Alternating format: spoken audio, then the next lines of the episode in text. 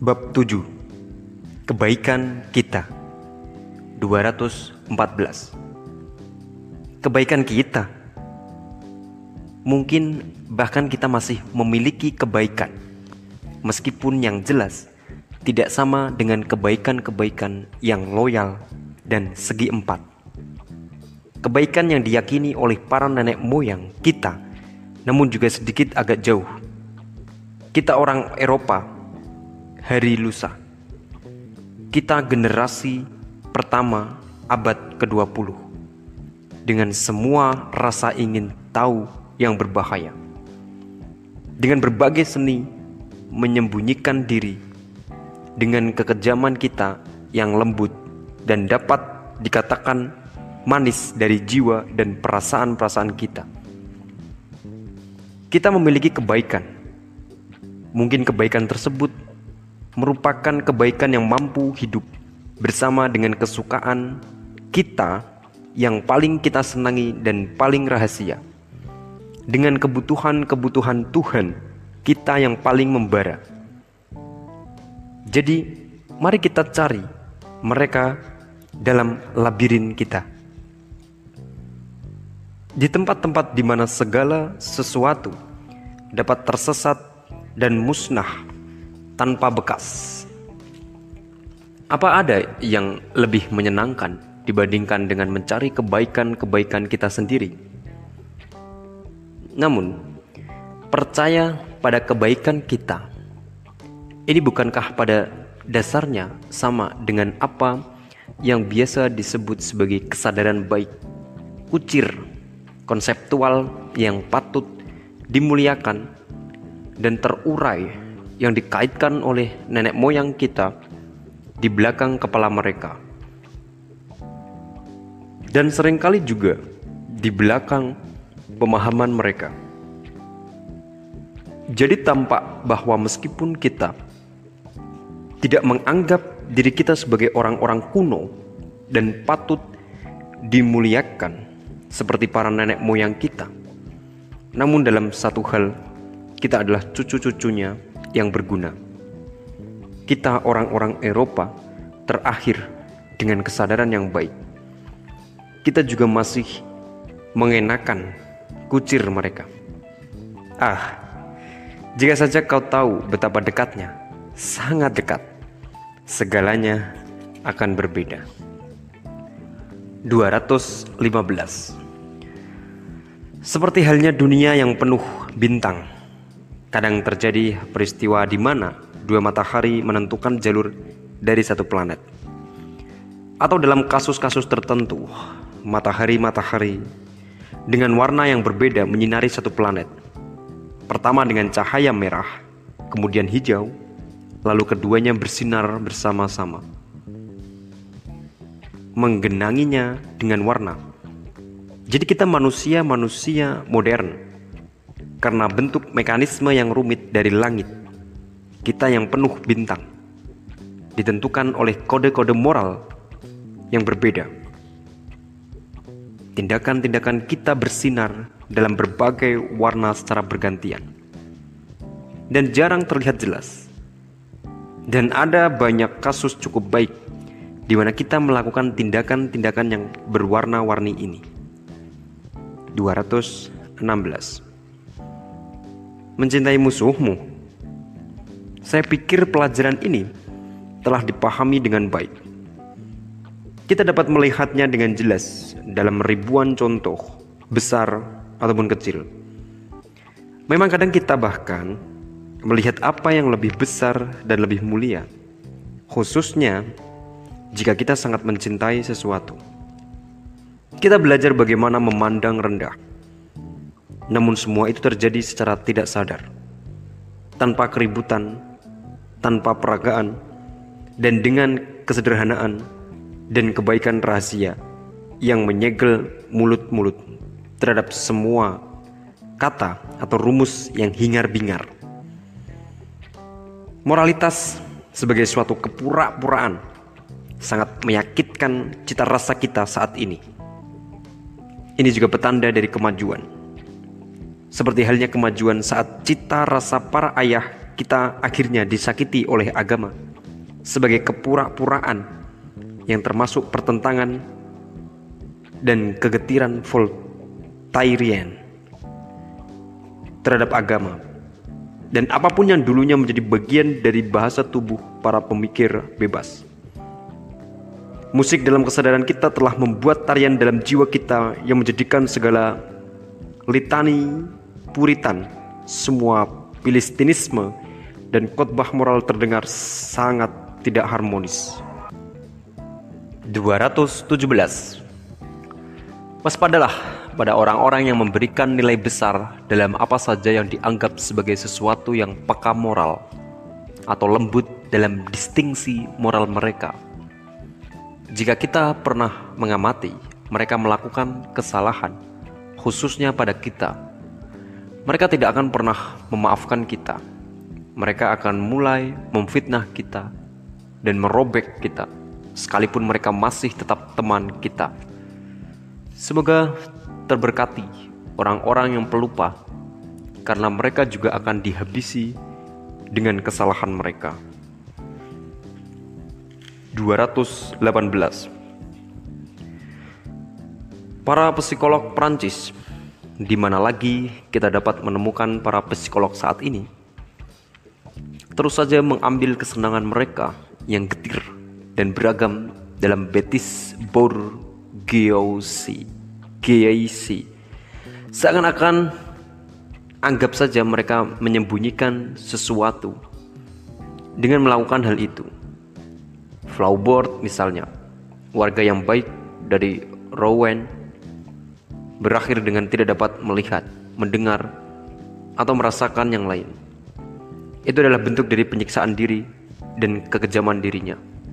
Sekarang, untuk mengganti kecepatan karena semuanya semakin membosankan, saya mengusulkan sesuatu yang lain bagi kesukaan Anda, yaitu kelicikan tidak sadar dengan semua kesederhanaan yang baik, lezat, berharga terhadap jiwa jiwa yang lebih tinggi beserta usaha mereka, kelicikan yang halus suka bertengkar, dan Yesuitis yang seribu kali lebih halus dibandingkan penilaian atau cita rasa kalangan menengah terbaik.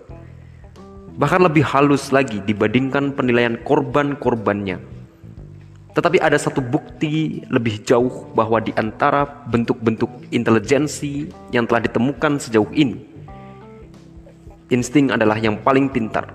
Pendeknya, kalian para psikolog perlu belajar tentang filsafat peraturan dalam peperangannya melawan perkecualian. Di sana kalian akan menemukan penonton yang cocok bagi kedengkian ilahimu. Atau agar lebih kontemporer, cobalah membedah orang yang baik. Homo Bonae voluntatis. Cobalah membedah dirimu sendiri. 219 Mereka-mereka yang jiwanya terbatas lebih suka membalas dendam terhadap mereka-mereka yang tidak begitu terbatas dengan menilai dan mengutuk mereka secara moral. Ini juga berfungsi sebagai semacam ganti rugi karena mereka tidak begitu diberkahi oleh alam. Dan terakhir juga sebagai kesempatan untuk memperoleh jiwa dan menjadi lebih baik. Spiritualisasi yang jahat dalam hati, mereka merasa lebih baik jika berpikir bahwa ada suatu standar yang akan menempatkan mereka sejajar dengan orang-orang berbakat dan jiwa-jiwa istimewa. Mereka berjuang demi persamaan hak semua orang di mata Tuhan dan hampir merasakan suatu keharusan untuk mempercayai Tuhan dengan alasan itu saja. Di antara mereka terdapat orang-orang yang menjadi penentang paling sengit terhadap ateisme. Jika ada orang yang berkata pada mereka bahwa spiritualitas besar jauh lebih besar dibandingkan dengan segala macam kebaikan atau penghormatan dalam diri seorang bermoral mereka akan murka. Saya akan berusaha untuk tidak melakukannya. Sebaliknya, saya akan menyanjung mereka dengan prinsip-prinsip saya bahwa spiritualitas besar hanya ada sebagai hasil akhir dari kualitas moral. Itulah sintesis dari semua predisposisi yang telah diperoleh satu demi satu melalui proses pengolahan dan pelaksanaan yang panjang. Mungkin mencakup seluruh rangkaian generasi bahwa spiritualitas besar adalah spiritualisasi keadilan dan kerendahan serta kesederhanaan hati yang mengetahui bahwa ia berkewajiban untuk mempertahankan tatanan yang ada di dunia ini. Tatanan atas segala sesuatu dan bukan hanya manusia. 220 Karena sekarang sudah sedemikian umum untuk memuji orang yang tidak tertarik, kita perlu mungkin bukannya tanpa bahaya menyadari apa yang sebenarnya ditertariki oleh orang-orang awam dan apa saja hal-hal yang sangat menggelisahkan mereka. Ini termasuk orang-orang terdidik, bahkan para sarjana, dan jika kita dapat mempercayai mata kita, mungkin termasuk juga para filsuf. Apa yang akan kita temukan adalah bahwa sebagian besar dari apa yang menarik dan menyita perhatian dari orang-orang yang lebih baik dan memiliki cita rasa yang lebih diskriminatif dan semua orang yang memiliki sifat yang lebih tinggi kelihatan sama sekali tidak menarik bagi orang rata-rata. Tetapi jika dia memperhatikan bahwa ada sebagian orang yang menekuni hal-hal seperti itu, dia menamakannya sebagai desinterese dan bertanya-tanya bagaimana mungkin seseorang bertindak dengan tanpa rasa tertarik. Ada sejumlah filsuf yang mungkin karena pengalaman-pengalaman mereka tidak memberikan pengenalan terhadap sifat yang lebih tinggi. Bahkan mampu menambahkan aspeknya sedikit menggoda dan mistik ke dalam kekaguman populer ini dan bukannya langsung menyatakan kebenaran yang jelas dan gamblang bahwa suatu tindakan yang tidak tertarik merupakan tindakan yang sangat menarik dan tertarik. Dengan mengasumsikan bahwa lalu bagaimana dengan cinta?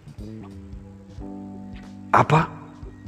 Apakah suatu perbuatan yang dilakukan atas nama cinta dapat dianggap sebagai sesuatu yang tidak egoistik, dasar tolol, dan memuja orang yang melakukan pengorbanan?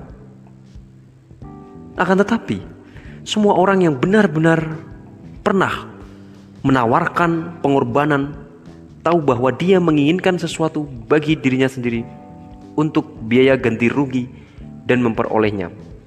Bahwa dia menyerahkan sesuatu di sini agar dapat memperoleh yang lebih banyak di sana. Mungkin hanya lebih banyak atau setidaknya merasa seakan-akan dia lebih banyak. Akan tetapi, ini merupakan suatu bidang pertanyaan dan jawaban yang tidak ingin ditempati oleh jiwa yang terlalu pilih-pilih. Karena saat dia diminta memberikan jawaban atas masalah-masalah ini, bahkan kebenaran pasti akan membungkam mulutnya. Lagi pula, dia adalah perempuan. Kita tidak boleh mengganggunya. 221 Kadang terjadi kata seorang moralis dan pengacara gadungan, bahwa saya menghargai dan memuji seseorang yang tidak egois. Namun saya tidak melakukannya karena dia tidak egois. Tapi karena menurut saya dia punya hak untuk menjadi orang yang berguna bagi orang lain dengan mengorbankan dirinya sendiri. Katakanlah selalu ada pertanyaan siapa dia dan siapa orang lain itu. Dalam diri seseorang yang diciptakan dan ditakdirkan untuk memerintah, misalnya penolakan diri atau pengunduran diri yang rendah hati tidak dianggap sebagai kebaikan, tetapi sebagai pemborosan kebaikan. Itu menurut saya semua kode moral altruistik yang diterapkan pada semua orang tidak hanya merupakan dosa terhadap cita rasa, ia juga mendorong munculnya dosa.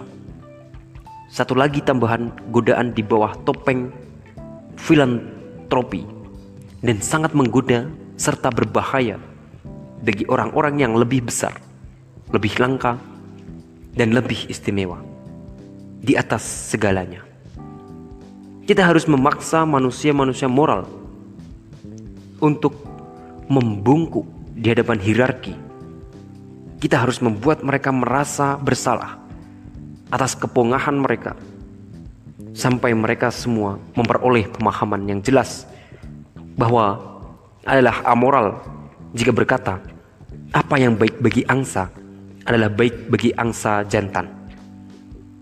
Itulah mengapa moralistik saya yang kaku dan Bonhomme mengatakan apa dia layak ditertawakan atas apa yang karena memperingatkan manusia-manusia moral untuk menjadi bermoral?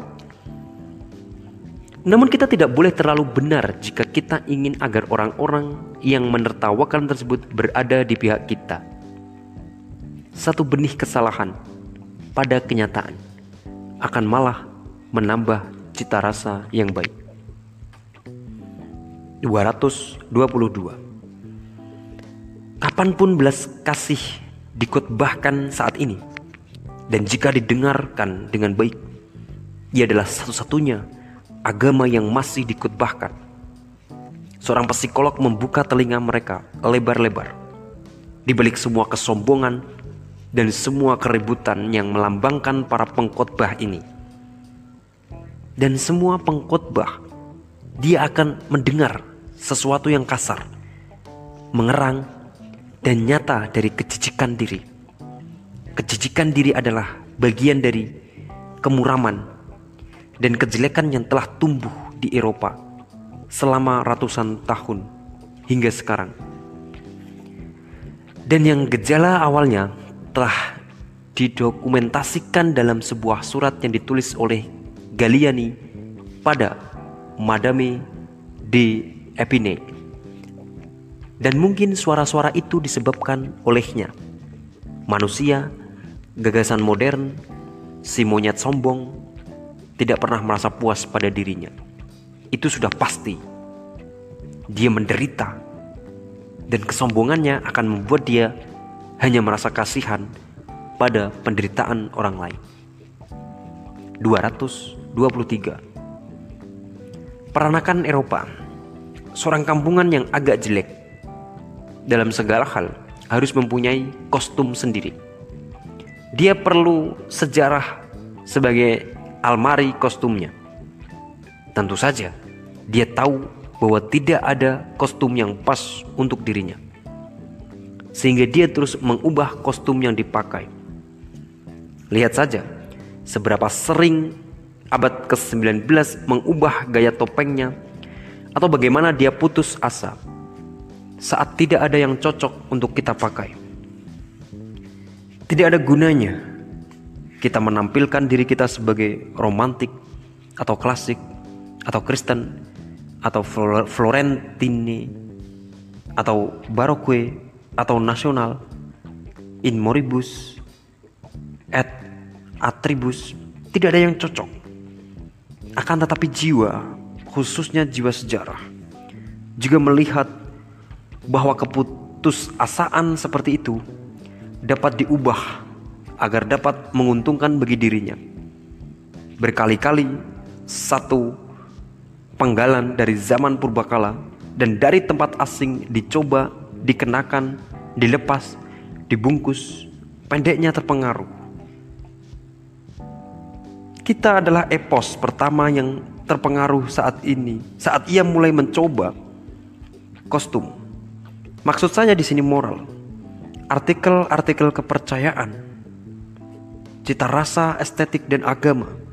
Saat ini kita telah lebih siap dibandingkan zaman-zaman sebelumnya untuk menyambut karnaval besar bagi tawa Srofetide yang paling spiritual dan jiwa-jiwa yang tinggi. Bagi kemuliaan transendental dari omong kosong terbesar serta olok-olok aristopanik terhadap dunia. Mungkin di sinilah kita akan menemukan bidang dari penemuan kita.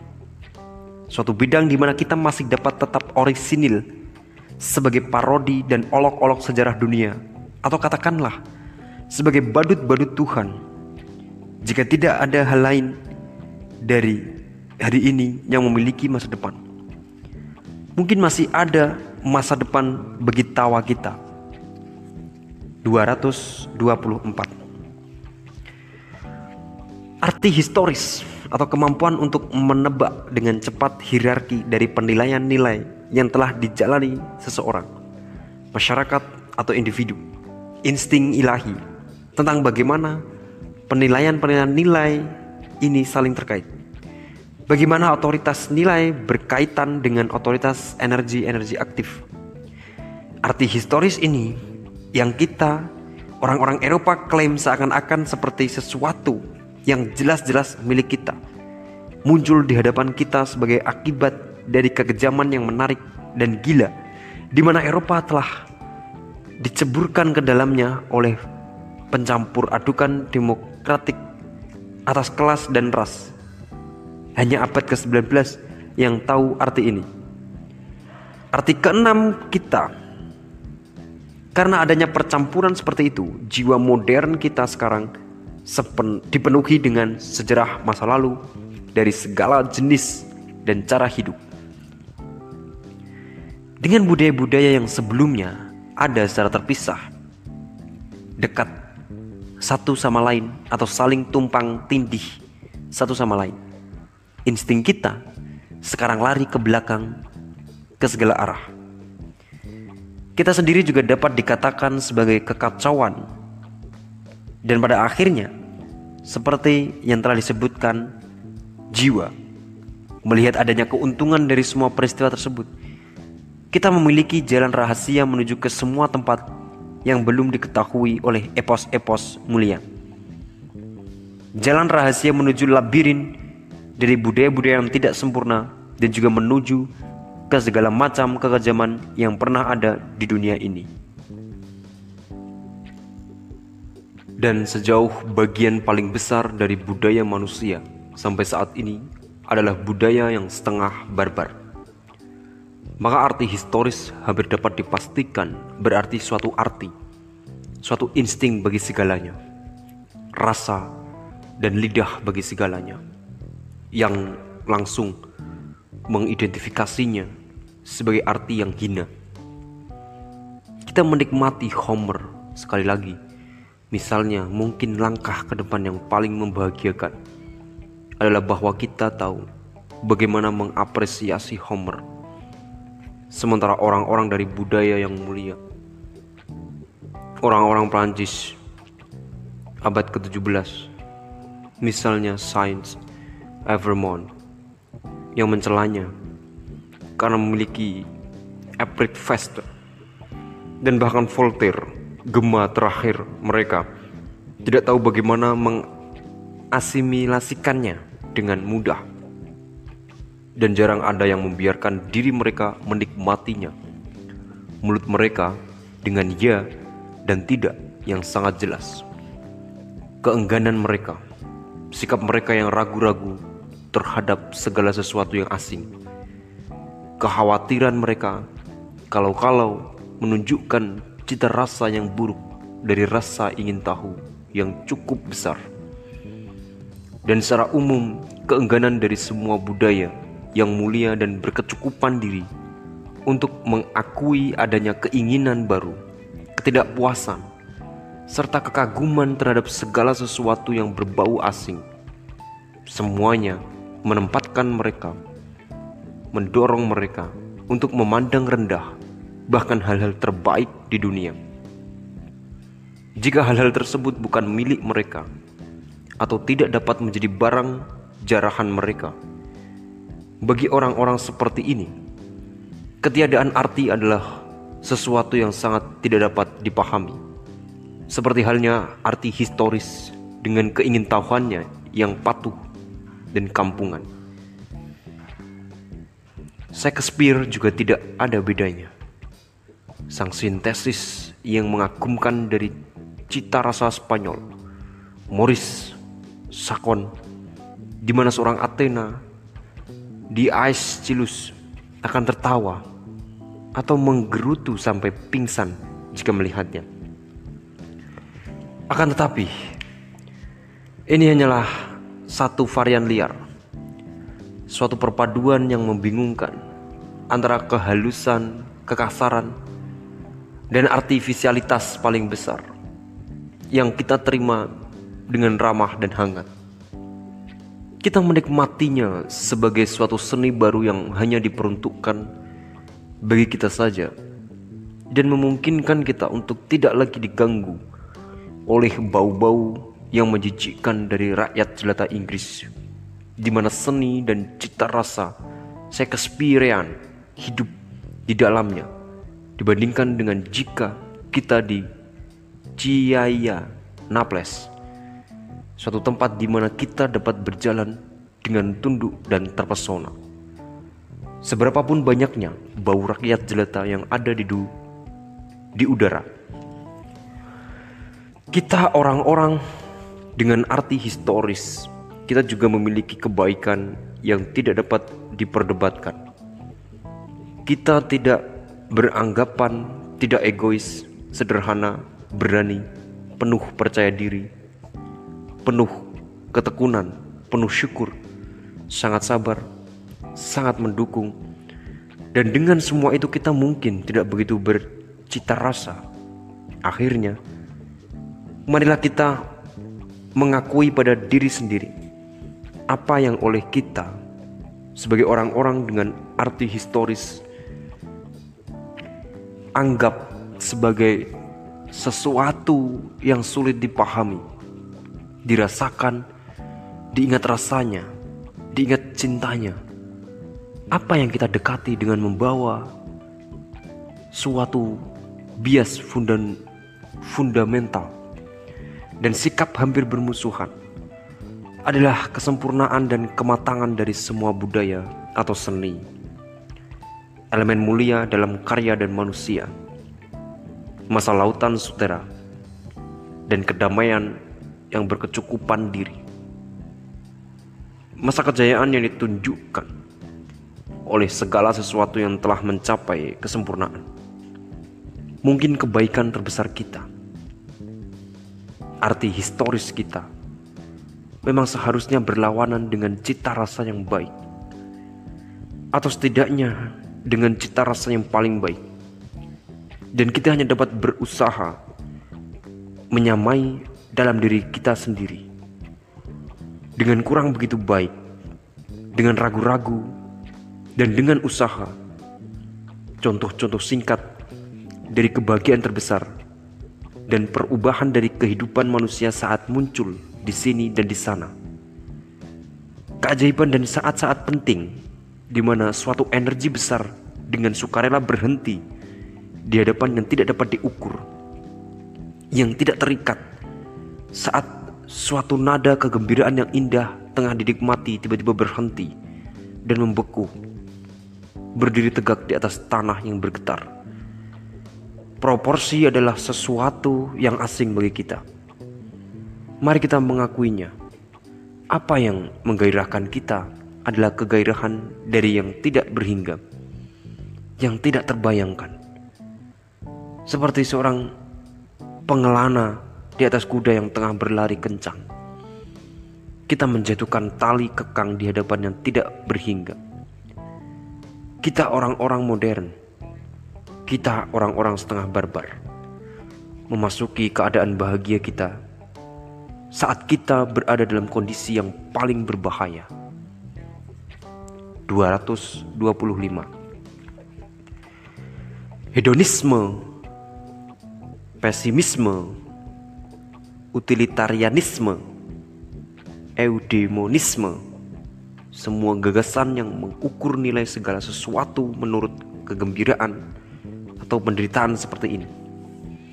Atau dengan kata lain, menurut keadaan sekunder dan efek samping adalah gagasan-gagasan latar depan dan naif.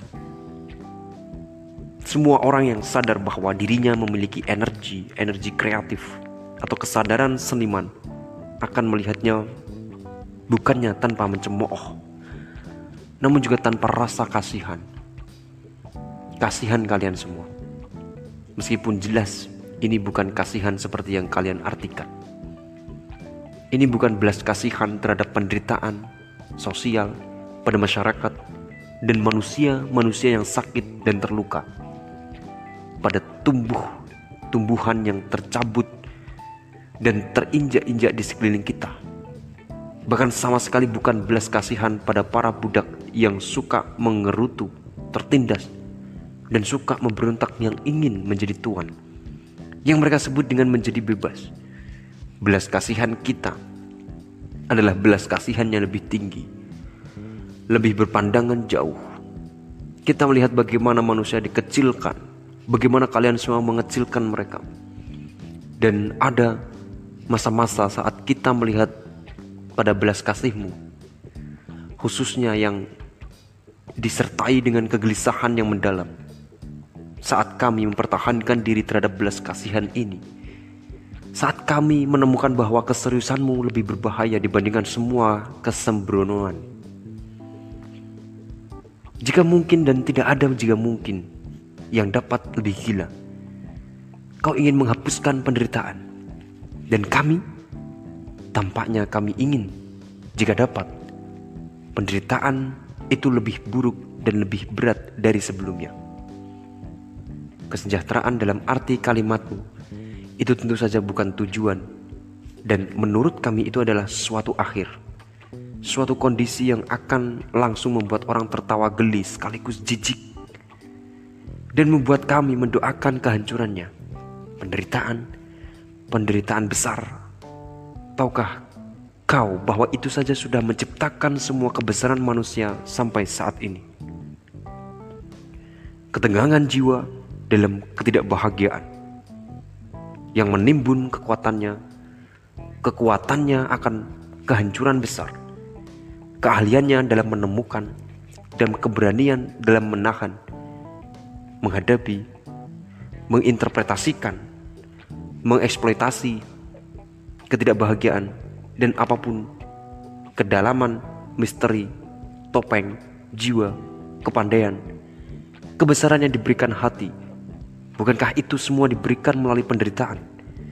Melalui penderitaan besar dalam diri manusia, makhluk dan ciptaan menjadi satu. Manusia adalah materi pecahan, kelebihan, lumpur, kotoran, omong kosong, kekacauan. Tetapi manusia juga pencipta, pematung, pemahat, pengamat keilahian. Dan hari ketujuh, tahukah kau tentang perbedaan ini? Tahukah kau bahwa belas kasihmu adalah bagi makhluk yang ada dalam diri manusia yang harus dibentuk, dipecah, ditempa, dirobek, dibakar, diperkuat, dimurnikan yang selalu menderita dan harus menderita? Dan belas kasihan kami, tidak tahukah engkau untuk siapa belas kasihan kami ditujukan? Saat ia mengatakan belas kasihanmu sebagai pemanjaan diri dan kelemahan yang paling buruk? Jadi, belas kasihan melawan belas kasihan. Akan tetapi sekali lagi, ada masalah-masalah yang lebih penting dibandingkan dengan kegembiraan penderitaan dan belas kasihan. Dan semua filsafat yang membatasi dirinya hanya pada masalah-masalah itu adalah filsafat yang naif 226 Kami para amoralis Dunia yang menjadi perhatian kami ini di mana kami tidak meminta untuk takut dan mencintai. Dunia yang dengan halus memerintahkan dan mematuhi dan yang hampir tidak kelihatan dan tidak terdengar. Dunia yang tidak begitu mirip dengan dunia dalam segala hal. Berduri busuk, mencemooh, lembut memang. Dunia itu memiliki pertahanan yang cukup baik terhadap para pengamat amatir dan rasa ingin tahu. Kita terlibat dalam suatu rangkaian tugas yang menjerat dan menyesatkan nafas dan tidak dapat bebas. Dalam artian ini, kita juga termasuk orang-orang yang terikat oleh tugas kita dari waktu ke waktu. Dan ini memang benar. Kita menari dalam rantai dan pedang. Lebih sering lagi dan tetap benar. Kita merintih karenanya. Tidak sabar terhadap segala kekejaman rahasia dari takdir kita. Akan tetapi, apa pun yang kita lakukan, orang-orang tolol dan penampilan akan menuduh kita sebagai manusia tanpa tugas. Orang-orang tolol dan penampilan akan selalu menentang kita. 227 Kejujuran Misalkan saja ini adalah kebaikan kita Kebaikan yang tidak dapat kita elakkan Kita para jiwa bebas Jadi kita harus bekerja dengan kebaikan ini bersama-sama dengan kedengkian dan cinta kita. Dan tidak pernah lelah menyempurnakan diri kita dalam kebaikan kita. Satu-satunya yang masih kita miliki. Semoga sinarnya tetap menerangi budaya yang semakin tua ini. Beserta keseriusannya yang kelam dan pengap seperti sinar kemilau dari langit biru di malam hari. Dan jika suatu hari nanti kejujuran kita lelah dan menghela napas berat serta merentangkan tubuh dan berpikir bahwa kita terlalu keras dan ia ingin lebih baik, lebih mudah, lebih lembut seperti sifat buruk yang menyenangkan. Marilah kita tetap keras kita hancurkan kesabaran. Mari kita membantunya dengan memberikan apa pun sifat jahat yang kita miliki. Keengganan kita terhadap kejanggalan dan kecengengan nitimur infetitum kita. Jiwa petualangan kita.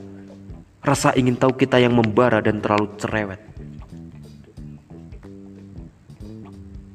Kehendak kita untuk berkuasa dan menaklukkan dunia yang paling halus, paling samar, dan paling spiritual yang bermimpi dan berkelana di sekitar dunia masa depan.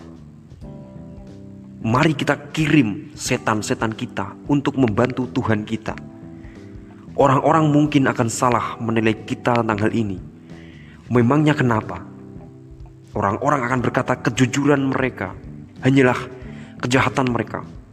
Tidak ada yang lain. Memangnya kenapa? Dan sekalipun mereka benar, bukankah semua dewa masa lalu adalah setan-setan yang telah ditas, ditahbiskan menjadi orang suci? Dan dalam analisis terakhir, apa yang kita ketahui tentang diri kita sendiri? Atau siapa nama roh yang membimbing kita?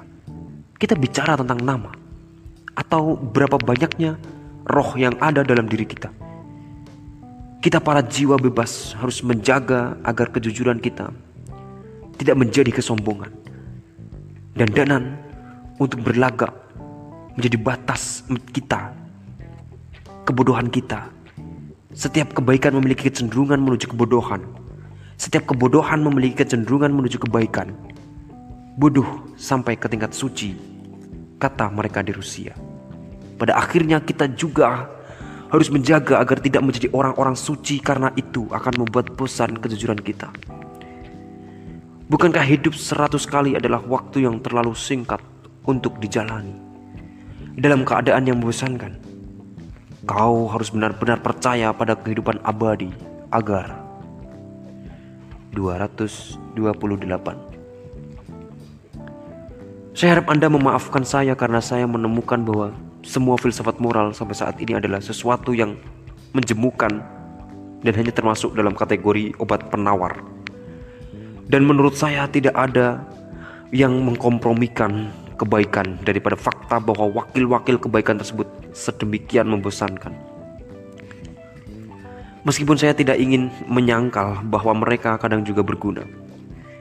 Sangat penting untuk dikatakan bahwa keharusan seharusnya hanya sedikit mungkin orang yang melakukan refleksi pada moralitas. Dia juga sangat penting bahwa moralitas tidak boleh menjadi sesuatu yang menarik. Namun jangan khawatir, segalanya masih sama sekarang dengan yang dulu.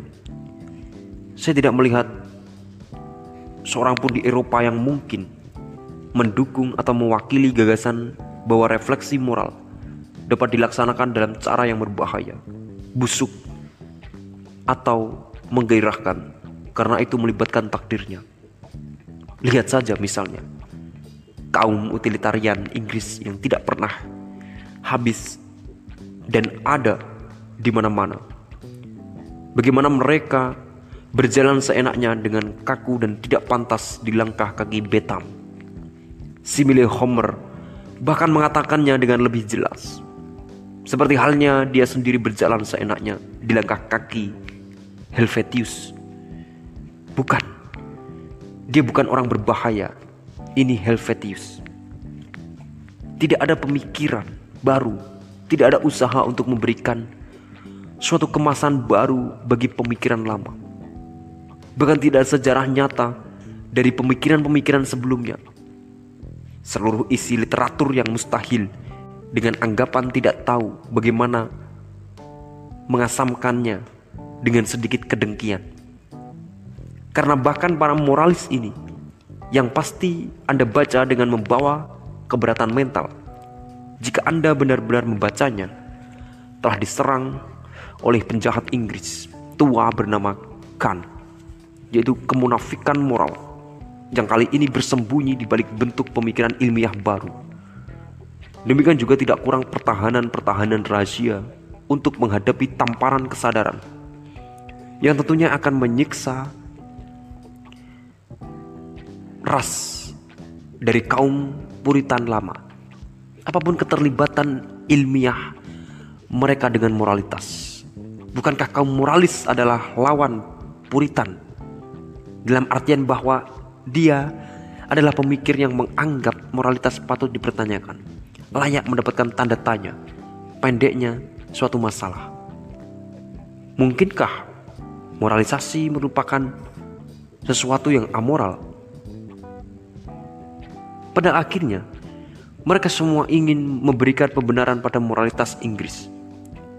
Sejauh ada cara terbaik untuk melayani manusia, atau kebaikan bersama, atau kebaik kebahagiaan dari yang terbanyak, tapi bukan kebahagiaan Inggris. Dengan segala kekuatan mereka ingin membuktikan bahwa usaha untuk mencapai kebahagiaan Inggris yang di sini artinya kenyamanan dan kemudahan dan lebih jauh lagi, kursi di parlemen merupakan cara yang benar menuju kebaikan. Memang apa pun kebaikan yang ada di dunia ini, semuanya merupakan semacam usaha. Tidak ada satupun dari kawanan binatang binatang yang membosankan dan mengalami gangguan kesadaran ini yang berusaha merepresentasikan penyebab egoisme sebagai penyebab dan kebaikan bersama yang ingin memahami ataupun mengendus bahwa kebaikan bersama bukanlah tujuan, bukan sasaran, dan bukan konsep yang dapat dipahami, namun lebih merupakan suatu obat emesis bahwa apa yang benar bagi seseorang mungkin tidak benar bagi orang lain. Bahwa untuk memaksakan suatu moralitas bagi semua orang berarti melanggar batas dari jenis manusia yang lebih tinggi pendeknya. Bahwa terdapat suatu hierarki antara manusia dan manusia sehingga secara otomatis juga antara moralitas dan moralitas. Mereka adalah orang-orang sederhana yang sepenuhnya biasa-biasa saja orang-orang Inggris utilitarian ini dan saya ulangi sejauh membosankan kita dapat menilai utilitas mereka terlalu tinggi kita seharusnya mendorong seperti yang pernah dicoba dilakukan dengan menggunakan sajak di bawah ini. Salam para kusir dan benar. Semakin lama, semakin baik bagimu. Semakin keras kepala dan lututmu tanpa pernah serius, tanpa pernah bercanda. Biasa-biasa saja selamanya. Sans geni et sans esprit.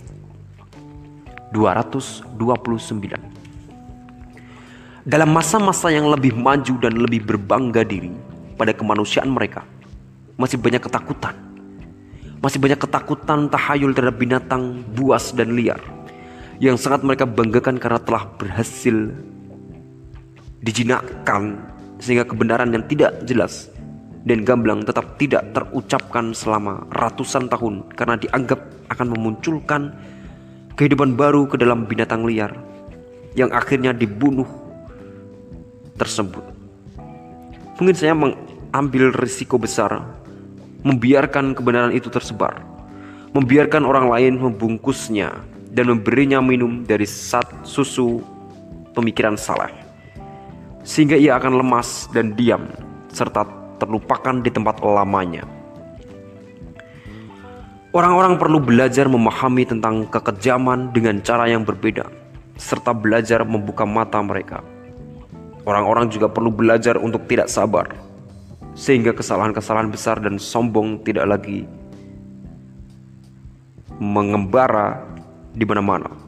Baik hati yang bermuka tebal, seperti kesalahan-kesalahan tragedi, misalnya yang telah ditimbun oleh para filsuf baik yang lama ataupun yang baru hampir segala sesuatu yang kita sebut sebagai budaya tinggi didasarkan pada pendalaman dan spiritualisasi dari kekejaman. Inilah ajaran saya. Binatang liar itu sama sekali belum mati. Ia masih hidup dan terus tumbuh. Ia hanya membentuk keilahian dari dirinya sendiri. Di sini, kekejamanlah yang membentuk kegairahan yang menyakitkan dari tragedi. Apa pun pengaruh menyenangkan yang ditemukan dalam apa yang disebut sebagai kasih tragis atau apa saja yang dianggap mulia sampai pada tingkat yang menggigil ketakutan dan yang paling lembut pada kenyataannya memperoleh rasa manisnya hanya karena ia dipadukan dengan bumbu kekejaman. Apa yang dilakukan oleh orang-orang Romawi di arena mereka? orang-orang Kristen dalam kegembiraan mereka di hadapan tiang salib, orang-orang Spanyol yang diikat di tiang pancang atau dalam pertandingan adu benteng, adu banteng, orang-orang Jepang yang selalu bergegas untuk menonton teater tragis. Kaum farisi kelas pekerja yang bernostalgia dengan revolusi-revolusi berdarah mereka Para Wagnerian, wanita yang membiarkan Tristan un Isolde menyapu diri mereka dan mengungkapkan kehendak mereka. Apa yang dinikmati oleh orang-orang ini? Apa yang mereka minum dengan bau misterius? Adalah minuman yang dibumbui dengan kekejaman Circe. Tentu saja, kita juga perlu menyingkirkan pemikiran psikologi tolol dari masa lalu yang mengatakan bahwa kekejaman muncul hanya saat melihat penderitaan orang lain. Ada banyak, sangat banyak kesenangan dalam penderitaan kita sendiri. Dalam membuat diri kita sendiri menjadi menderita. Dan di mana pun seseorang dapat dibujuk untuk menyangkal dirinya sendiri dalam artian religius atau memotong kepalanya sendiri seperti kaum ascetis dan Poenician atau secara umum untuk menjadi sedih tidak berperasaan, tidak menghiraukan diri sendiri, merasakan ke kekejangan rasa sesal puritan ataupun membedah kesadaran dan melakukan sacrificio del intele, intelletto pascalian dia serat sembunyi-sembunyi tergoda dan terdolong oleh kekejamannya. Oleh gigil gemet, gemetar kekejaman yang berbahaya untuk melawan dirinya sendiri. Terakhir, mari kita pikirkan bahwa bahkan orang yang mencari pengetahuan dengan memaksa jiwanya untuk mengetahui segala sesuatu yang berkebalikan dengan kecenderungan pikirannya dan sering kali juga berkebalikan dengan keinginan-keinginan hatinya atau berkata tidak sementara dia ingin mengatakan ya sementara dia ingin mencintai dan mengagumi berarti berlaku seperti orang seniman dan pengubah kekejaman. Kapan pun kita memikirkan sesuatu secara mendalam, dan menyeluruh. Sesuatu itu dapat dipastikan memiliki bagian yang ingin merusak atau menyakiti kehendak dasar dari jiwa. Suatu kehendak yang terus-menerus ditarik menuju penampilan dan permukaan. Dalam semua keinginan yang akan pengetahuan selalu ada setitik kekejaman. 230 Mungkin apa yang saya katakan tentang kehendak dasar dari jiwa masih kurang jelas. Izinkan saya menjelaskannya. Sesuatu yang angkuh dan sombong yang disebut oleh orang-orang sebagai jiwa ingin menjadi sang tuan dalam dirinya sendiri dan dikelilingi dirinya sendiri.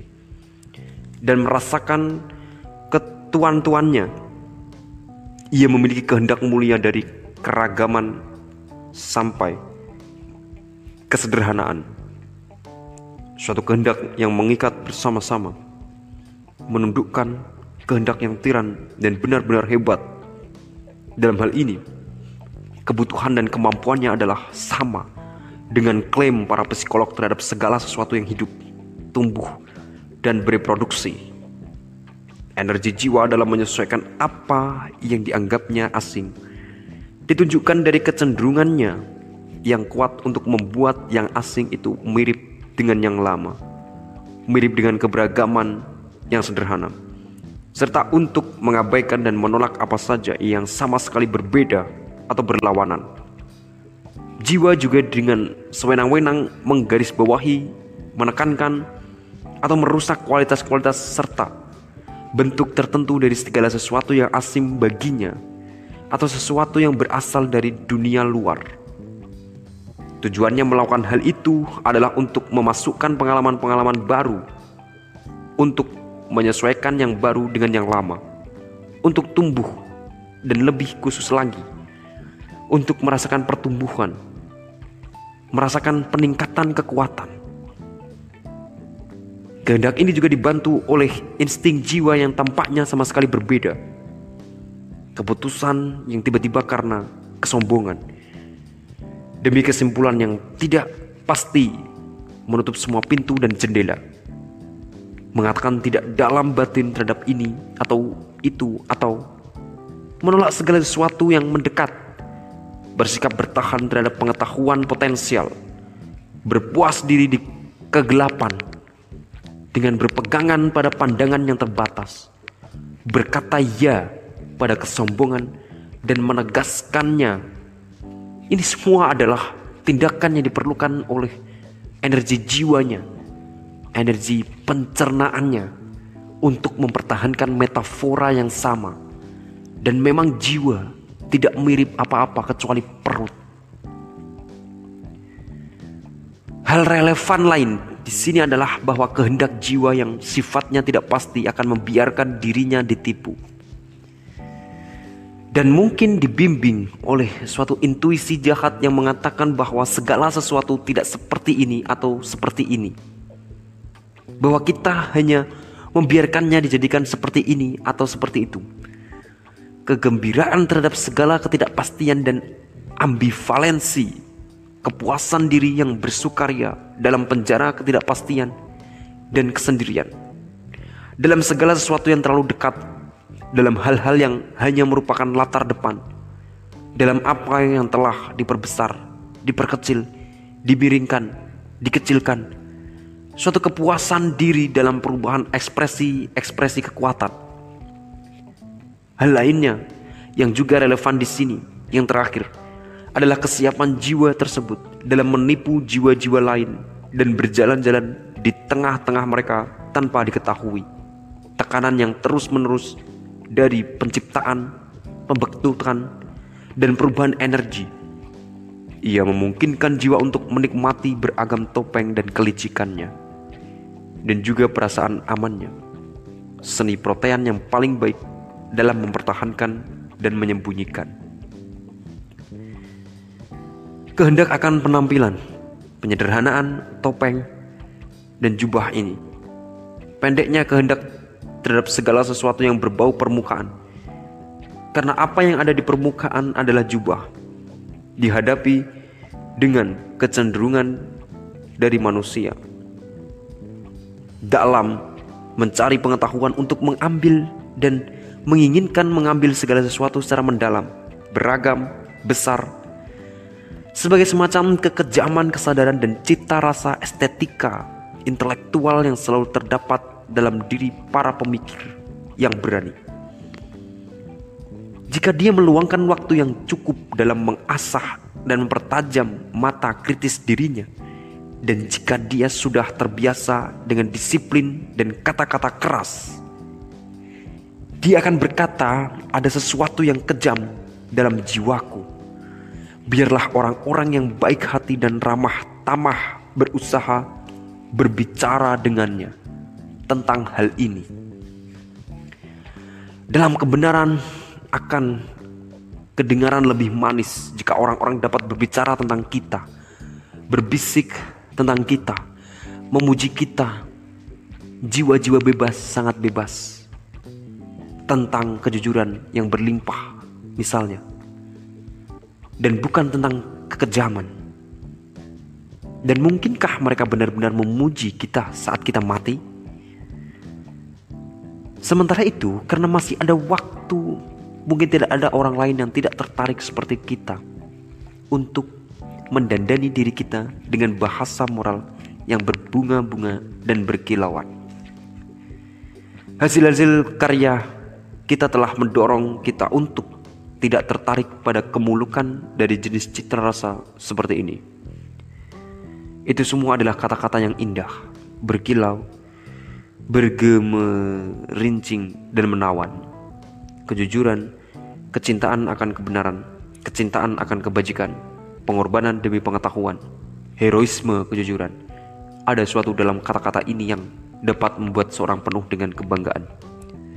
Akan tetapi, kita para pertapa dan marmut telah lama kita meyakinkan diri kita sendiri dalam seluruh kesadaran pribadi kita bahwa kemegahan linguistik ini adalah milik dari pemujaan masa lalu sampah kedustaan dan debu emas kesombongan manusia yang tidak sabar. Sehingga bahkan di balik seluruh kemegahan warna-warna dan kemilaunya, suatu tulisan Homo Natura masih dapat terlihat meskipun samar.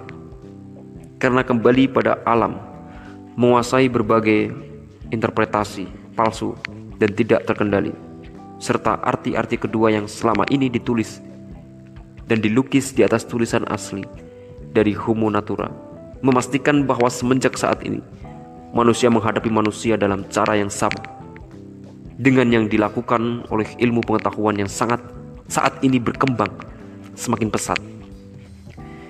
Dia menghadapi alam lain dengan mata Oedipus yang tidak mengenal takut dan telinga Odysseus yang tuli terhadap segala macam nada godaan dari seruling para penangkap burung metafisika kuno yang telah lama terdengar. Kau adalah lebih, kau lebih besar. Kau berasal dari sumber yang berbeda. Itu mungkin suatu usaha yang aneh dan gila, tapi tetap suatu usaha siap yang dapat menyangkal hal itu. Mengapa kita memilihnya? Usaha gila itu atau dengan kata lain, peduli amat dengan pengetahuan? Semua orang akan bertanya kepada kita tentang hal ini. Dan kita saat ditekan dengan cara seperti ini, kita yang bertanya pada diri kita sendiri tentang hal yang sama ratusan kali. Kita telah menemukan dan benar-benar menemukan jawaban yang lebih baik. 231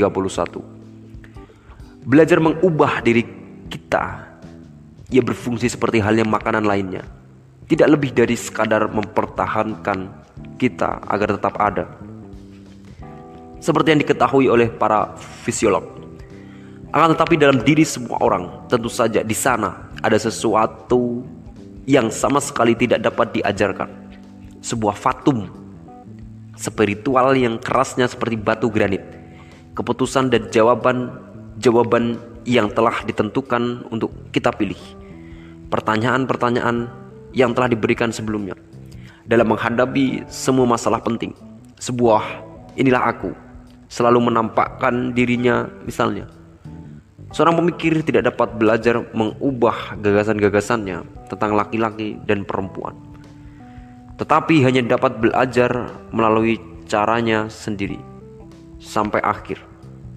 Hanya menemukan sampai bat pada batas dari apa yang telah ditetapkan dalam pikirannya tentang segala hal. Tidak lama bagi kita akan menyelesaikan persoalan-persoalan tertentu dengan pemecahan yang menginspirasikan suatu keyakinan kuat dalam diri kita. Mungkin kita akan menyebutnya sebagai pendirian kita. Selanjutnya, di dalamnya kita hanya melihat jejak-jejak kaki di jalan menuju pengetahuan diri, tanda-tanda menuju permasalahan tentang kita, lebih tepatnya menuju kebodohan yang lebih besar dibandingkan saat ini, menuju fatum spiritual kita menuju esensi kita yang tidak dapat diajarkan menuju ke sana. Setelah memberikan pujian yang berlimpah pada diri saya sendiri, izinkan saya untuk mengucapkan beberapa kebenaran tentang perempuan. Dengan mengasumsikan mulai sekarang orang-orang akan mengetahui semenjak awal seberapa besar ini semua hanyalah kebenaranku. 223 232 perempuan ingin berdiri sendiri. Dan untuk tujuan ini, mereka mulai memberikan pencerahan pada pria tentang perempuan dan sebangsanya. Itu adalah salah satu tanda kemajuan terburuk dari seluruh penjelekan Eropa. Lihat saja segala sesuatu yang ditujukan dari eksperimen-eksperimen yang dilakukan dalam pemikiran ilmiah dan pewahyuan diri para perempuan. Perempuan memiliki banyak alasan untuk merasa malu. Ada banyak hal yang tersembunyi dalam diri mereka yang cenderung menonjolkan keilmuan mereka. Superficial, patut dicemooh, kesombongan, kesederhanaan yang keterlaluan. Lihat saja interaksi mereka dengan anak-anak. Sedemikian banyak yang sampai sejauh ini paling dapat ditekan dan ditundukkan secara efektif dengan ketakutan mereka terhadap pria. Tuhan melarang sumber kebosanan abadi. Dalam diri para perempuan, mereka banyak memilikinya untuk keluar atau mulai melupakan kepandaian dan seni mereka. Gemulai mereka meringankan beban kita dan menganggap enteng dunia serta kesediaan bagi keinginan-keinginan yang menyenangkan. Kita telah mendengarkan suara-suara perempuan yang menakutkan demi nama Aristopanes dengan ancaman-ancaman tentang segala sesuatu yang diinginkan oleh perempuan dari para laki-laki. Bukankah menunjukkan cita rasa yang paling buruk saat perempuan mulai bersikap ilmiah dengan cara seperti ini? Sampai sekarang, untunglah pencerahan masih urusan kaum laki-laki. Berkah kaum laki-laki. Sehingga mereka tetap berada di antara mereka dan akhirnya kapan pun kita membaca sesuatu yang ditulis oleh seorang perempuan tentang para perempuan, kita dapat menyimpan ketidakpercayaan kita tentang apakah perempuan benar-benar menginginkan pencerahan bagi diri mereka sendiri. Apakah mereka dapat menginginkannya? Sekarang, jika perempuan tidak melakukannya untuk memperoleh semacam pemujaan baru bagi diri mereka sendiri, pemujaan diri sendiri merupakan bagian feminisme abadi. Bukankah begitu? Mereka lalu berkeinginan untuk menciptakan rasa takut. Mungkin mereka ingin mendominasi. Akan tetapi, mereka tidak menginginkan kebenaran. Apa peduli mereka tentang kebenaran? Mulai dari awal, tidak ada yang lebih asing dibandingkan perempuan. Lebih menjijikkan, lebih dalam dibandingkan kebenaran Seni terbesar mereka adalah berbohong. Pertimbangan utama mereka adalah penampilan dan kecantikan. Mari kita akui itu. Kita kaum laki-laki. Dan seni inilah serta insting inilah yang kita hargai dan kita cintai dari para perempuan. Kita yang menerimanya dengan sulit dalam kehidupan dan merasa senang saat bersantai dengan ditemani oleh makhluk-makhluk yang dengan tangan tatapan dan kebodohan mereka membuat keseriusan kita, kesulitan kita dan kedalaman kita tampak juga menjadi kelihatan bodoh. Terakhir, saya ingin bertanya, apakah ada perempuan yang pernah mengakui bahwa otak perempuan juga dapat dalam seperti halnya hatinya? Dan bukankah benar bahwa sampai sekarang perempuan dipandang rendah oleh perempuan lain?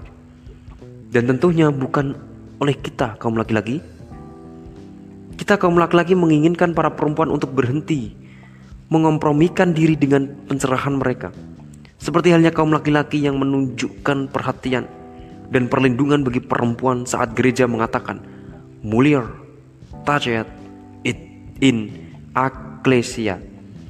Adalah untuk kebaikan para perempuan saat Napoleon meminta Madame de Style yang mengagumkan untuk memahami Mulier, tajet, in politicis.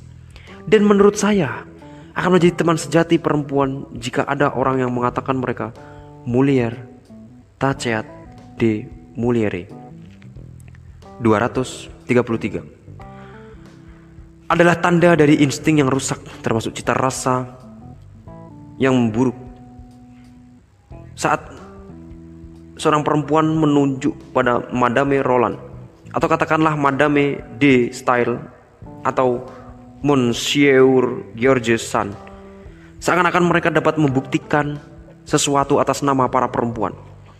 Para lelaki menganggap perempuan-perempuan dengan nama yang disebut di atas sebagai tiga perempuan komikal, tidak lebih. Dan ini mungkin merupakan kontra argumentasi terbaik yang tidak disengaja terhadap emansipasi dan tirani kaum perempuan. 234 Kebodohan di dapur. Perempuan sebagai tukang masak. Kecerobohan mengerikan yang berkaitan dalam memberikan makanan bagi keluarga dan kepala rumah tangga. Perempuan tidak tahu apa arti makanan, namun mereka ingin menjadi juru masak. Jika perempuan adalah makhluk yang memiliki perasaan yang kuat, maka dari ribuan tahun pengalaman memasak, mereka pasti telah menemukan fakta-fakta fisiologis paling penting dan mengambil alih seni dalam menyembuhkan manusia. Karena juru masaknya tidak pandai, karena kurangnya rasionalitas di dapur, perkembangan manusia menjadi perkembangan dengan penundaan yang paling panjang. Perkembangan paling buruk segala sesuatunya tidak banyak yang lebih baik sekarang ini. Kuliah bagi para perempuan muda. 235 Ada frasa-frasa dan tambahan dari jiwa Ada peribahasa serangkaian kata-kata yang tiba-tiba mengkristalisasikan seluruh budaya Seluruh masyarakat Di antara hal-hal tersebut adalah pernyataan Madame Lambert pada anak laki-lakinya Mon ami ne vos permettes jamais qui de foyes quis vos ferons grand pleasure. Kebetulan adalah pernyataan yang paling pintar dan paling keibuan yang pernah dinyatakan pada seorang anak. 236. Apa yang dipercayai oleh Dante dan Goethe tentang perempuan Dante saat menyanyikan Ella guardavo suso et in iu in lei Sedangkan Goethe saat menerjemahkannya menjadi feminitas abadi membawa kita jauh tinggi. Saya memperkirakan bahwa semua perempuan akan menolak kepercayaan ini. Karena ini adalah apa yang mereka percaya tentang maskulinitas abadi. 237 Pepatah tujuh perempuan masa-masa yang paling membosankan akan lari dari kita saat seorang laki-laki merangkak mendekat untuk melihat kita. Usia, ya ampun, dan buku-buku pasti akan memperkuat bahkan kebaikan yang paling lemah. Pakaian hitam dan mulut tertutup cocok untuk perempuan tua dan muda. Pada siapa terima kasih dan kesetiaanku yang terbesar aku tujukan? Tuhan dan kemudian juga tukang jahitku. Muda, gua yang dihiasi dengan bunga-bunga. Tua, sang naga keluar dan marah. Keturunan bangsawan alis yang tampan, dan seorang pria untuk ditendang. Aku ambil dia sekarang. Omongannya pendek, artinya panjang. Nyonya keledai akan salah memahaminya. 237 Sampai sekarang, laki-laki memperlakukan perempuan seperti burung-burung yang datang kepadanya dari ketinggian, sebagai sesuatu yang lebih baik, lebih halus, lebih liar, lebih aneh, lebih manis, lebih menggetarkan jiwa, tetapi juga sesuatu yang harus dikurung dan dikunci rapat-rapat agar tidak terbang keluar. 238 menangani masalah dasar tentang laki-laki dan perempuan dalam cara yang salah, baik itu dengan menolak antagonisme paling kuat dan kebutuhan akan kewaspadaan terhadap sikap permusuhan abadi, atau dengan mungkin memimpikan tentang persamaan hak, persamaan pendidikan, persamaan ambisi, dan kewajiban. Itu semua adalah tanda umum dari kedangkalan dan semua pemikir yang menunjukkan bahwa dia dangkal, dangkal dalam instingnya. Dalam masalah yang berbahaya ini, mungkin secara umum dapat dianggap bukan hanya sebagai orang yang mencurigakan, tetapi juga terbuka dan tidak terlindung. Dia mungkin juga akan terlalu dangkal untuk semua persoalan dasar tentang kehidupan atau tentang kehidupan masa depan dan tidak mampu menjangkau kedalaman mana pun. Seorang manusia yang mendalam di lain pihak, mendalam baik dalam hal jiwa ataupun keinginannya, dalam keramahan yang mampu menunjukkan kekuatan dan kekerasannya, akan dapat berpikir tentang perempuan hanya seperti seorang oriental. Dia akan melihat perempuan sebagai suatu kepemilikan, sebagai properti yang dapat diamankan sebagai sesuatu yang ditunjukkan untuk melayani dan hanya itu saja. Dia harus berkandung pada pemikiran besar tentang Asia, tentang insting-insting Asia yang lebih unggul. Seperti yang pernah dilakukan orang-orang Yunani, para murid dan pewaris terbaik Asia yang seperti kita ketahui dengan perkembangan budaya dan perluasan kekuatan mereka semenjak masa Homer sampai zaman Perikles menjadi semakin keras terhadap perempuan. Pendeknya, lebih oriental. Seberapa penting, seberapa logis, seberapa manusiawinya keinginan ini. Silakan dipikir sendiri-sendiri. 239 Tidak pernah sekalipun ada zaman di mana laki-laki memperlakukan perempuan dengan sedemikian hormat seperti zaman ini. Ini adalah bagian dari kecenderungan dan cita rasa dasar demokratis kita. Sekaligus juga ketidaksopanan kita terhadap masa lalu. Apakah mengherankan jika penghormatan tersebut telah disalahgunakan? Mereka ingin lebih banyak. Mereka belajar menuntut. Mereka mulai mempertimbangkan bahwa penghormatan yang kecil adalah sesuatu yang menjengkelkan. Mereka memilih bersaing atau bahkan berperang demi hak mereka. Kita katakan saja bahwa perempuan itu semakin tidak tahu malu dan perlu ditambahkan bahwa mereka juga semakin tidak memiliki cita rasa. Mereka mulai lupa bagaimana takut pada laki-laki, tetapi seorang perempuan yang lupa bagaimana untuk takut berarti juga meninggalkan insting-insting paling perempuan mereka.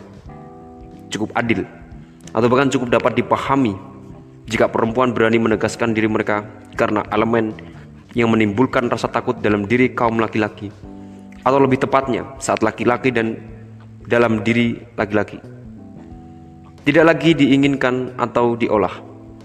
Apa yang lebih sulit dipahami adalah bahwa hal itu cukup kuat untuk menyebabkan terjadinya degenerasi perempuan. Ini sudah terjadi sekarang. Jangan salah lagi. Apabila jiwa industri telah menang atas jiwa aristokratik, militer, para perempuan akan berusaha untuk memperoleh kemandirian ekonomi dan buk dan hukum dalam bentuk pekerjaan sebagai pegawai kantor. Perempuan sebagai pegawai ditulis di atas jalan masuk masyarakat modern kita yang tengah berkembang ini. Pada saat mereka memperoleh hak-hak baru bertujuan untuk menjadi tuan dan menulis tentang kemajuan kaum perempuan di bendera dan spanduk-spanduk mereka. Tetapi tampak sangat jelas bahwa yang terjadi sebenarnya adalah kebalikannya. Perempuan mengalami kemunduran. Semenjak revolusi Perancis, pengaruh perempuan di Eropa menurun dalam tingkatan yang sama dengan peningkatan hak dan ambisi-ambisi mereka. Jadi emansipasi perempuan sejauh perempuan menuntut dan mendorongnya. Dan tidak hanya kaum laki-laki yang berpikiran dangkal. Tampak bahwa itu merupakan suatu gejala yang mencurigakan dari semakin melemahnya insting-insting perempuan. Ada kebodohan dalam gerakan tersebut. Dan juga kebodohan maskulin di dalamnya. Di mana seorang perempuan yang benar-benar sejati yang juga selalu perempuan pintar akan sangat malu atas hal itu. Kehilangan jejak dari jalan menuju kemenangan, mengabaikan praktek seni bertahan diri sejati, membiarkan dirinya berada di depan laki-laki, atau mungkin juga bergantung buku, di mana dia sebelumnya berperilaku yang baik dan lembut serta sederhana, berusaha dengan keberanian tinggi untuk menentang keyakinan kaum laki-laki yang dianggap sebagai tujuan yang sama sekali asing tertutupi dalam jubah perempuan dalam semacam feminitas abadi atau feminitas yang perlu menyalahgunakan laki-laki secara empatis dengan berdasarkan pada gagasan bahwa perempuan adalah seperti binatang rumah tangga yang harus dijaga, dipelihara, dimanjakan, kadang aneh, dan juga menyenangkan. Mengumpulkan berbagai macam bukti dengan susah payah tentang segala sesuatu yang berkaitan dengan posisi kaum perempuan di dalam dan di luar tatanan sosial yang menunjukkan posisi dari budak atau manusia yang tidak bebas. Seakan-akan perbudakan merupakan kontra argumentasi dan bukan syarat bagi setiap budaya yang lebih tinggi ataupun budaya yang meninggikan. Apa arti dari semua ini jika bukan disintegrasi dari insting-insting perempuan? Suatu DV minimisasi yang jelas. Ada banyak orang idiot para pecinta perempuan dan perusak perempuan di antara keledai-keledai terdidik dari jenis laki-laki yang mendukung dan menyarankan perempuan untuk mendefeminisasikan diri mereka dalam cara seperti ini dan meniru kebodohan-kebodohan yang telah menjadi penyakit orang-orang Eropa. Maskulinitas Eropa orang-orang yang ingin menghancurkan kaum perempuan dengan memberikan pendidikan umum atau bahkan membaca koran dan berpolitik. Beberapa di antara mereka bahkan ingin menjadikan para perempuan sebagai para pemikir bebas dan pakar literatur. Seakan-akan seorang perempuan yang tanpa kesalehan bukanlah sesuatu yang sudah jinak dan menggelikan bagi manusia yang berpikiran mendalam dan tidak bertuhan.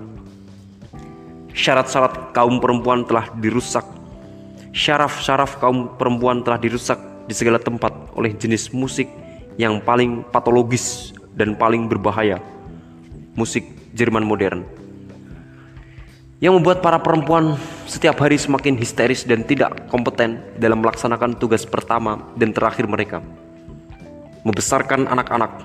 Secara umum, mereka ingin mengolah kaum perempuan lebih banyak lagi dan seperti yang mereka katakan, menjadikan jenis yang lebih lemah menjadi lebih kuat melalui budaya, Seakan-akan sejarah tidak mengajarkan pada kita bahwa pengolahan seperti itu akan selalu disertai dengan pelemahan. Atau dengan kata lain, pelemahan, penghancuran, dan perusakan dari kekuatan kehendak dan bahwa para perempuan yang paling kuat dan paling berpengaruh di dunia ini, termasuk ibu Napoleon, memperoleh kekuatan dan superioritas mereka dari kekuatan kehendak dan bukan dari para kepala sekolah. Apa yang membuat kita menghargai dan kadang malah takut pada perempuan adalah sifat mereka yang lebih alami. Dibandingkan laki-laki, keaslian mereka lemah, lembut, yang alami seperti binatang pemangsa yang licik dengan cakar harimau di bawah sarung tangan mereka. Egoisme naif mereka, sifat liar dan tidak dapat dididik dalam diri mereka, misteri, keluasan, dan jangkauan dari keinginan dan kebaikan-kebaikan mereka. Apa yang membuat kita merasa kasihan terhadap kucing perempuan yang berbahaya dan cantik ini selain seluruh ketakutan kita adalah bahwa perempuan tampak lebih menderita, lebih rentan, lebih membutuhkan cinta dan membawa kutukan kekecewaan dari binatang lain. Rasa takut dan belas kasihan. Laki-laki selalu berdiri di hadapan perempuan dengan perasaan-perasaan seperti ini.